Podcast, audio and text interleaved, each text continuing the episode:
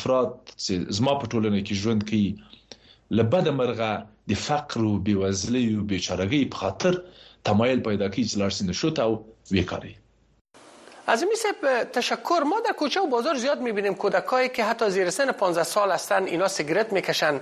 فکر می‌کنن به عنوان یک روانشناس این مشکل خانواده است که رفتار نادرست کردن که کودکایشان یا بی‌توجهی کردن که کودکایشان میره و حداقل به سیگرت رو میارن یا که نه از ناز زیاد هم باعث میشه که تربیت از کودکا خراب شود بحث نوجوان به خصوص کودکان میشه به تمامی او دلایلی که اشاره کردم تاثیرگذار باشه و نقش بازی بکنه. اما آنچه به نظر ما بیشتر وارد است و بیشتر نقش داره او و به خصوص و علل خصوص در قسمت نوجوانان و خصوص بچه او تاثیرات رسانه ها است. تاثیرات شبکه های اجتماعی است. در سریال ها فیلم ها و برنامه هایی که جوانان به کار می‌بره سلیبریتی هایی که جوانان follow می‌کنه الگو می‌گیره خوششان میه اونا معمولا در آهنگایشان در فیلمایشان در سریال هایشان سیگرت در دهنشان است یا در میخانه ششته و گلاس ها را بلند می‌کنه ای, ای برای ای فرد یک یک اما قسمی که دیگه مواردش تقلید می‌کنه. این بود از شخصیتش هم تقلید می‌کنه. مورد دوم مشکلات خانوادگی است. شما تصور کنین پسری که با من نشسته امروز امروز در مقابل من نشسته و اعتیاد داره و تابلت با من میگه که استاد چند بار شاهد هستم که پدرم در بالا زندگی می‌کنم به منزل دوم و ما یک زینه داریم از منزل اول به منزل دوم و چند بار طور شده که مادر مرا به بکس و لغت زده. مادرم دان و دماغش خون و دمی زینا لول خورده و ما هیچ چیز نتانستیم جز امی که بیایم به می تابلت پناه ببرم. جزی که بیایم پابجی بزنم. جزی که بیایم در بیرون در مکتب یگان شوخی و یگان بچه رو بزنم. من دیگه چاره ندارم استاد.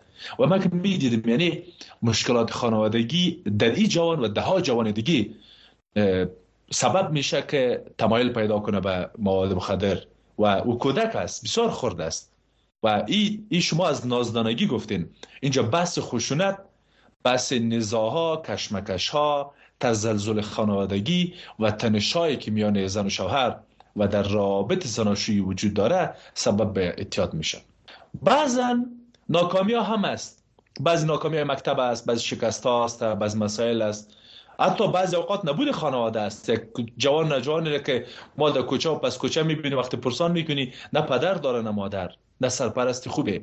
باید با ماما کار زندگی می‌کنه یا در کدام جای کسی کاکایش بزرگش می‌کنه یا مادر کلانش بزرگش می‌کنه. یعنی ناامنی اجتماعی و نبود و کمبود حمایت و سرپرست و امثال موارد. من فکر می‌کنم که در جامعه ما زیاد دخیل در این قضیه است تا نازدانگی و امثال موارد. کرمادان ډیره مننه صاحب. اعظمي صاحب تاسو په راپورټ کې هم ولیدل چې ځینې کسان د مخدره موادو د خلاصون څخه شکایت کوي چې څنګه ځان د دې څخه خلاص کړي؟ او دوی وایي چې کوملار نسته چې کومک ورسره وکړي. خو تر درملنې وروسته کورنۍ او ټولنه هم نه مني. نو آیا واقعا د خلاصون لار و دوی ته نسته؟ او د دې په وړاندې د خلکو او د ټولنې غړي د مسؤلیت څه دی چې د دوی سره باید څنګه رویه وکړي ترڅو چې دوی د مخدره موادو څخه خلاص شي بله. ډېر ښه پوښتنه ته اشاره وکړه زه فکر کوم چې دغه وګړي یا دغه عزیزان چې فکر کوي چې د حل لار نسته یا د خلاصون لار نسته یا عادت به مرګ دوی ځکه دا خبره کوي چې له بده مرغه په ډیر کم تعداد رسنۍ ډیر کم شمیر خبرونه او پوهاوی په دې برخه کې وجود لري. موږ په افغانستان کې 15 میلیونه معتاد لرو او موږ په افغانستان کې له بده مرغه 15 خبرونه نه لرو. زه غواړم جدا له تاسو نه مننه وکړم. تاسو یوازنی شبکه چې کلونه کې له ما سره د نشي توکو په اړه مرکه کوي مصاحبه کوي. زل بل هیڅ رسنۍ سره د دې موضوع شاهد نه يم په ډیر خال خال شکل د نشي نشي توکو نړیوال ورځ سي بیا را پیدا سي. یو بل مورد سي بیا را پیدا سي موږ هیڅ اطلاع رسانی هیڅ عامه پوهاوی هیڅ دقیق ستراتیژیک معلوماتي پروګرام د دغه 15 میلیونو لپاره یا د دغه پاتو نور خلکو لپاره چې پنشو ورونه دانګي یا په اختنه سي هیڅ عامه پوهاوی لرو دویم مورد د مصروفیت او د سالمه بوختیا مسله ده. زه به یو معتاد جوړ کم سالم به کوم پاک به کوم دی ډاکټر پایس دی روانشناس پایس به ته به دی ټولنه ته ور ور په اصلاح ورولېګم دا ټولنه به بیا څه ور سره وکی کار باور کی مینه باور کی احترام باور کی؟ نه. نی ورکی زه په دې باور لرم. د پولډری په نامه د بل په نامه د بل په نامه د بل په نامه به بیرته ماته روختون دراولي او په سلو سپکاوي او توهینونو به بیرته زموږ خاطر راولي دریم مورد د دغه نشئی توکو کارکله قاچاق او کاروباریان دي. تاسو تصور وکړئ چې په کابل کې 3 میلیونه معتادینی یا به وبخي 3 لک معتادینی 3 لک معتادین او دوی د ورځې یو یو ډالر مصرف کی 2 2 ډالر مصرف کی 15 ډالر مصرف کی 15 په دریو کې 15 لک 15 لک ډالر د دوی په لاس کې یو ډالر کوم مصرف کی 15 ډالر کوم مصرف کړي 2.5 سو افغاني خودي په هر صورت مصرفي چې 15 ډالر کیږي دا 15 لک ډالر کیږي دا یو کاروبار ده نن سبا دي ځینو خلکو لپاره. او دا کاروبار نه بندي. دا کاروبار باید دولت بند کی دا باید وګوري دا باید پیدا کی دا باید کشف کی او خنثای کی ختم کی دا کاروبار د حل لار ده. دا یو ښه حل لار ده. زه چې نشي تو کې ونه لرم څنګه وکاروم؟ دا مورد له دولتي اړخ او له سیاسي اړخ زما په نظر مهم ده. بل مورد د فقر د په ټولنه کې. فقر او بیچارهګي او هغه ټول مسلې ما وړاندې اشاره ورته وکړه که هغه په یو ډول مدیریت سي زه په دې باور لرم چې خلک بل نه شونه ژوند د مخه کی بل مورد بې سوادي ده. ته چې اویا په سلو کې شپته اتیا اویا په سلو کې نالوستي ولري نالوسته چې په نور په نور ژوند نه پويږي نو د نشو او د نشو په پریخودلو په تداوی په نه تداوی به څه پوسی په خپل صحت او د خپل روغتیا او سلامتی پر ارزښت پچیرته او څنګه پوسی محترم شرف الدین عظیمی روانشناس و استاد دانشگاه جهان سپاس از حضورتان در برنامه محترم عظیمی صاحب ستاسو د معلوماتو څخه یو نړۍ مننه کور مقدم زنده باشین سلامت باشین یو موضوع څو زاویه د امریکا غږ نوې ځانګړې خبرونه د ونې د یوې تودې موضوع شننه او ارزونه لبیلا بیلو زاویو څخه. د دې خبرونه کتل هر شنبه د ماخام په شپږنیمه بجې د یاسر د سپوږمکۍ په 309 شپږ چینل او د امریکا غږ د ټولنیزو شبکو د پاڼو لاري ماهیروي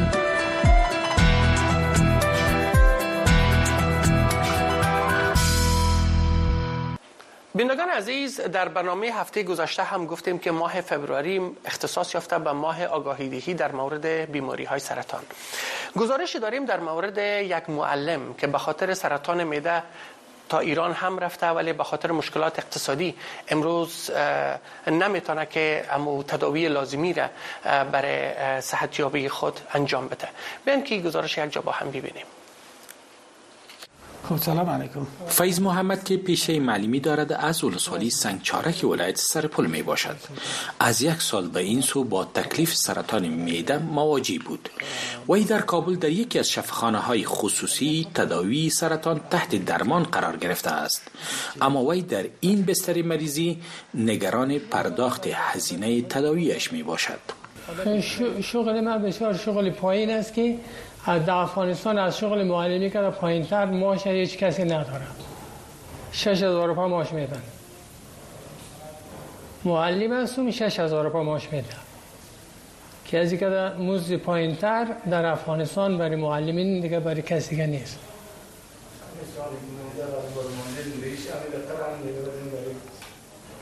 همیالی پنج تا طفل دارم دولت سرپول است. خودی من در اینجا خواب هستم. پیسرم به قرض است. آیا خوشایند است؟ برای کی خوشایند است؟ برای هیچ کسی. فیض محمد می‌گوید ابتدا به کشور ایران جهت تداوی سفر نمود ولی با مصرف کردن 150 هزار افغانی نتوانست که تداوی خیش را بیش از آن ادامه دهد. و یک لگو 50 هزار جایش معلوم نیست که اون را ما از کجا باید بری پلدار بدیم. و دو لگم که ما در خرج کردیم 40 فیصد همی هم در قرضه هنوز. کی میده؟ آیا دولت میده؟ نه خیر. فیض محمد در مورد اعراض و علایم تکلیف سرطان معده اش می‌گوید؟ در هفته دو روز سه روز خونریزی داشت. در هفته یک روز دو روز نرمال بود. و بعد از اینکه نرمال می‌شد یک لغمه غذا خورده می‌تونستم وضعیت من خوب بود. و اگر که نرمال نمی بود غذا هم خورده نمی‌تونستم گاهی وقت قسمت تعتانی میده بند می‌شد و از طریق دن بالا می آردم خونریزی را که من این وضعیت ما بسیار بدتر کشانده بود وضعیت ما خیلی خراب بود. دکتر عبدالله بهیر معالج فیض محمد می‌گوید در افغانستان مریضان سرطان های سیستم هضمی به دلیل تغذیه ناسالم بیشتر به شفاخانهاش مراجعه می نمایند هغه یو د نادرست تغذیه زموږ دی. په تور د مثال فرضاً موږ ورته وچه غوښه وایو او یا لاندې او یا امثال د دې. خو بل اخص د افغانستان په مرکز مرکزی برخو کې. چې دا یو فاکتور د سرطانونو کې دی سي. په ډاګه ویل شو چې دا موضوع ده کومه وکول چې د جلوګيري وکړو دوهم موضوع دا چې اکثریت د معدې د سرطانونو سره موږ مخامخ شوی هغه غذاوي دي چې بار بار هغه ګرموي او بار بار هغه پخوي او یا تغذیه کوي ورسینه یا استفاده کوي ورسینه دا یو فاکتور د ایجاد او یا سبب د سرطانونو په افغانستان کې هم امکان شته معلم فیض محمد در حال حاضر از جریان تداوی و عملیات جراحی میدهش راضی است و به قول وی فعلا صحتش رو به بهبود می باشد همایون کابل. خب بینندگان عزیز در سلسله ارائه معلومات در مورد برخی از بیماری های سرطان. بیان که با دکتر صاحب ولید یوسفزی متخصص بیماری های سرطان که اکنون از کانادا از طریق اسکایپ با ما در تماس هستند صحبت بکنیم و ببینیم که سرطان معده چگونه یک سرطان است و آیا برای تداوی و وقایش راه هم وجود داره یا نه. دکتر صاحب سلام و خدمت شما به برنامه خوش آمدین. سلام خدمت شما و بیننده که ما شما رو می‌بینم و باز در خدمت شما هستم. ډاکټر صاحب ولید یوسف زیز ما سلامونه هم ومني خبرونه ته ډیر ښه راغلاست. ډاکټر صاحب لومړی پوښتنه به دا درڅخه وکم چې د معدې کومه برخه زیاته په سرطان اخته کیږي؟ سرطان معده می‌تونه تمام قسمت های معده رو بسازه یعنی هر قسمت می‌تونه ولی بیشترین ما جایی را که سرطان مورد حمله قرار میده قسمت خود جسم میده یا بودی میده میگن اما قسمت زیادتر مو می‌سازه در ایالات متحده امریکا هم یک قسمت پایپ یا زفاگ است که میده وصل میشه اینجا هم در ایالات متحده امریکا شیوع زیادتر است در کشورهای آسیایی و کشورهای اروپایی زیادتر قسمت این جسم میده را زیادتر موقع می‌سازد کور ودان ډیره مننه محترم ډاکټر صاحب ولید د سرطانونو اعراض او علایم څه دي او کوم وخت یو ناروغ د سرطان د دې ناروغیو د اعراضو د مخنیوي لپاره و ډاکټر ته مراجعه وکړي مخصوصا که دکترها همیشه سر تشخیص مقدم زیاتر تاکید می‌کنن. بله. دکتر سیب متاسفانه سرطان های میده خصوصا در کشورهای مانده که پیش دکتر چکپ سی زیادتر نمی‌کنن. اعراض و علائم در ابتدا قدر خاص نمی باشن می‌تونه مریضا از امو جگر سوزی که ما میگیم یا سوزش میده دردای میده و یا بعد از خوردن غذا پیشان یک نفت و باد پیدا میشه که مریضا اکثرا آرق می‌ذارن و گاهی وقت مریضا داشته پیشرفت داشته باشن خصوصا اگر امی سرطان در قسمت وصل خود میری با میده باشه. اینجا یک احساس خصوصا غذای سخت اگه بخورن یک بندش احساس می‌کنن بندش غذا احساس می‌کنن و اگر مرض اشک پیشرفت کنه خصوصا این به جای دیگه متاستاز داده باشه پیش مریضا یک کنندگی شکم پیدا میشه در حقیقت در شکم جمع شده. و اگر در جگر به حساب میتاستاز داده باشه پیش مرد پیشمی اشخاص زردی پیدا میشه. و یا گاهی وقتی مریضا در مراحل بسیار پیش خون استفراغ می‌کنن. یک علامه نشانه خطر است.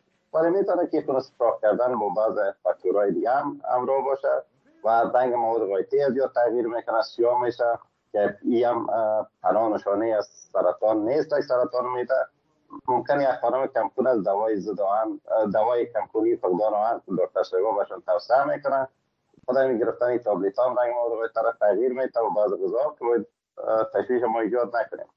و دیگه مشکلی که برای مریضا پیدا میشه وزن میبازن. یک یک تعداد کساس خودشون قصد می‌تونن که وزن ببازن. ولی نه. بدون از اینکه خودمون خواسته باشیم اگر ما یک مقدار زیاد وزن از دست میتیم یک علامه است که باید پیش دکتر مراجعه کنن. ولی کسایی که پیشتر هم گفتیم تاریخی فامیلی دارن خوب است یا پیش از اینکه اعراض پیششان تاسس کنن. و یا کسای دیگه هم که یک مشکل معده می داشته باشن خوبترین معاینه توسط هم یک آندوسکوپی یا pipe که داخل معدهشان میندازه و دکتر او را می‌بینه و تشخیص می‌کنه ممنون. به عنوان سوال آخر چی تداوی های امروزه برای سرطان معده رایج است و در افغانستان چقدر زیاد قابل دسترس می باشه خوشبختانه حال همونقدر طبابت پیشرفت کرده تکنولوژی پیشرفت کرده در سایر اصلا طبابت هم پیشرفت های چشمگیر خود داشته. خصوصا اگر سرطان های میده در مراحل ابتداییش تشخیص شود یعنی کاملا مریض شفایاب میشه که تداوی ابتدایی در صورت که در ابتدا مرض تشخیص شود جراحی است. که یعنی قسمت کتله سرطانی رو ور میدارن و چهار اطرافش یک مقدار اجارات نرمال هم کتیش دور می سازن و قطعات در امون سا است او رو اکثرا دکتر شبای جراح دور می سازن ولی گاهی وقت قسمت پارشل یا قسمی میدارن میدارن و گاهی وقت ضرورت دیگه که خصوصا امی جراح سرطانی بزرگتر باشه. مکمل امی میدار امروش رزک یا قطع می‌کنن ولی در پولوی سایل دوا هم هست که اکثر در مریضا رادیوتراپی یا شعا میتن که شعا می‌تونه قبل از عمل جریان باشه و بعد از عمل جریان. هدف از تداوی شعایی است که امو اجرات سرطانی را خرد بسازد. محدود بسازد اجرات سرطانی که به جراح آماده شود. و همزمان اکثر امرایشان chemotherapy یا کیمودرمانی یا تداوی دوایی می‌تونه که به شکل tablet باشه و به شکل پیچکاری ها باشه. بر مریض می‌تونه قبل از procedure جراحی و بعد از procedure جراحی پیشش بر مریض تطبیق میشه و خوشبختانه فعلا تداوی های به نام target therapy یا تداوی هدفی است کمو حجرات یا امی target therapy خود امی genetics یا خود مولکول یا خود امو حجرات سرطانی را مورد هدف قرار میده و باعث از بین بردن حجرات سرطانی میشه که تداوی جدید که در سالهای اخیر ایجاد شده به نام ایمیونوتراپی یاد میشه. ایمیونوتراپی به این معنی که بعض دوا خود سیستم immune شخص فعال می‌سازد در مقابل امی اجرات سرطانی. و توسط خود سیستم امی دفاعی بدن اجرات سرطانی را از بین می‌برند که فعلا اکثرا از این دوا در بسیار کشورها استفاده میشه ولی در قدم اول امو کیموتراپی را نزد مریض اجرا می‌کنن اگر نتیجه نداد پس میشه که با ایمونوتراپی هم بر مریضا در نهایت بشه تداوی آغاز کرد محترم دکتر ولید یوسف زی متخصص امراض سرطان جهان سپاس از حضورتان در برنامه. کورمادان ډیره مننه. محترم ډاکټر صاحب ولید یوسف زی صاحب. بیا هم تاسو د بوالي سنخ پرونی ته شرغلاست قدرمن لیدونکو د هرات په ولایت کې د خونړی زلزلې څخه ورسته ډېر هغه اشغورل شوی کسان اوس هم په موقتی سرپناهګانو کې د ژوند کوي. او د ژمي پر رسیدو سره د دوی د ژوند شرایط هم سخت شوي دي. نو دوی ودیت ډېر اندیشمن دي. راځي چې دا راپورټ په ګډه سره وګورو. د روغتیا نړیوال سازمان او شل نور همکارو ادارو تر دې مهاله د هرات په ګلران، انجیل، کوهستان کوشک او زندجان ولسوالیو کې تر څلو زور زیاتو کسانو ته روغتيایي خدمات رسولې دي. د روغتیا نړیوال سازمان د هغو اتو روغتيایي مرکزونو ملاتړ کوي چې په دغه زلزلې ځپلو سیمو کې مهم روغتيایي خدمات وړاندې کوي. صد روز قبل این منطقه هرات کاملا توسط زلزله های متحش تخریب شد. سازمان صحی جهان به همکاری دیگر پارتینرها تحت چتر کلستر صحی توانست خدمات عاجل صحی را ارائه بدارد. د زلزلې ځپلو خلکو په ځانګړي ډول شوزو او ماشومان د روغتیا په ساتلو او اړمنو کسانو ته د روغتيایي خدماتو پر رسولو کې د روغتیا نړیوال سازمان او همکارانو مرسته مهم رول لري. د ناروغانو کتنه تغذیه د قابلیتګي او واکسینونو خدمات رواني مرسته او تداوی د دغه همکارۍ یو برخه جوړوي. د اول ورځ څخه چې کله زلزلہ وسوله د او سی ډي ټیم چې ډونر دبليو ایچ او دراله ساحې ته ساحې کې د زلزلې په ساحې کې خدمات شروع کړل. او په هر کلینیک کې روزمره تقریبا موږ د اویا څخه راتیا پر او پی ډي او هم د سیم سیج خدمات نیوټریشن او پی خدمات روزمره وړاندې کیږي په زلزلہ ځپلو سیمو کې د ساري ناروغیو څخه د ځانونو د ساتلو لپاره د عامه پوهاوی یو لوی کمپاین وچلول سو چې د څه د پاسه شپږ زره شزو په ګډون څلور دي زره کسانو ته ورسېدي بیشتر که ما مریض می شدیم ما به خاطر از اینکه بریم پیش دکتر و مراجعه کنیم راه ما دور بود و وسیله هم نبود. بیشتر طول می کشید یا نمی, رس... نمی رسیدیم که بریم. حال به می قریه ما آماده کلینیک به قریه ما آماده. ما خیلی خوب خوشحالیم از اینکه به اینجا آماده. د تیر کال د اکتوبر لومې څخه تر 15مې د هرات په شپږو ولسوالیو کې پر لپسې زلزلې او ټکانونو تر 215 زره زیات کسان غزمن کړل. په ټوله کې د 1402 کسانو د مړینې او 2000 نورو د زخمی کېدو راپور ورکول سو. تر لزر زیات کورونه ویجاړ او څلويش روغتيایي مرکزونه غزمن سول. حکمت سروش امریکا جغ و هم چند گزارش در مورد مواد مخدر. بینندگان عزیز مسئولان محلی حکومت طالبان در ولایت غزنی میگن که حدود 250 معتاد پس از سپری کردن یک دوره سه ماهه تداوی از مراکز اعتیادی ولایت مرخص شدن. توجه شما را به گزارشی که همکارم در زمینه تهیه کرده معطوف می‌داریم. تعدادشان به 250 تن می‌رسد و برای سه ماه در این مرکز ترک اعتیاد تحت درمان قرار داشتند. مسئولان مبارزه با مواد مخدر حکومت طالبان در ولایت غزنی میگویند که به زودی روند جمعآوری و درمان معتادان در این ولایت را سرعت میبخشند. دلته تقریبا موږ سره وسو 15 کسانان 15 کسانان یا بیا کسانان تقریبا موږ سره بستر وو.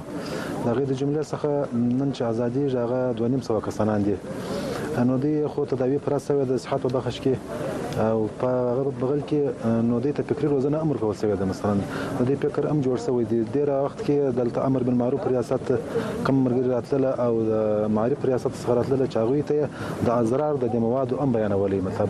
نو د په فکر لحاظ باندې جوړ شوی دی د صحت په لحاظ باندې جوړ دی بس.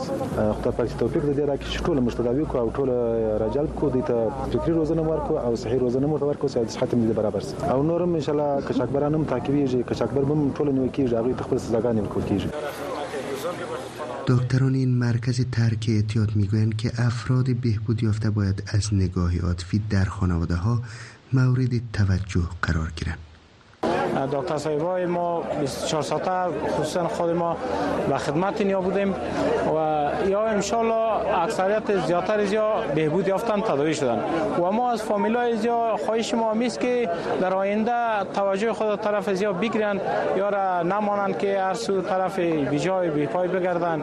چیش شام زدن مردم این زمونه. بیماران بهبود یافته از حکومت طالبان می‌خواهند که ضمن ایجاد های کاری مسئولان باید جلوی قچاق و فروش مواد مخدر را بگیرند. ما در مدت دو دو سال معتاد بودیم. دیگه حالی که آزاد شدیم من سه ماه اینجا تر کردیم. بعد از اینکه آزاد شدیم من خوشحالم هستم و توصیه من برای برادرایی است که انشالله از اینجا که بروش فهمیده دیگه دوباره دزی عمل نره و مزی دولت امارات مثلا خواهش می‌کنیم که یک زمینه کاری برای برادران فراهم کنه که دوباره دزی مواد مخدر نروه یعنی ما نفر هستیم در خانه هر کدام ما امشب یک چراغ خوشی روشن میشه.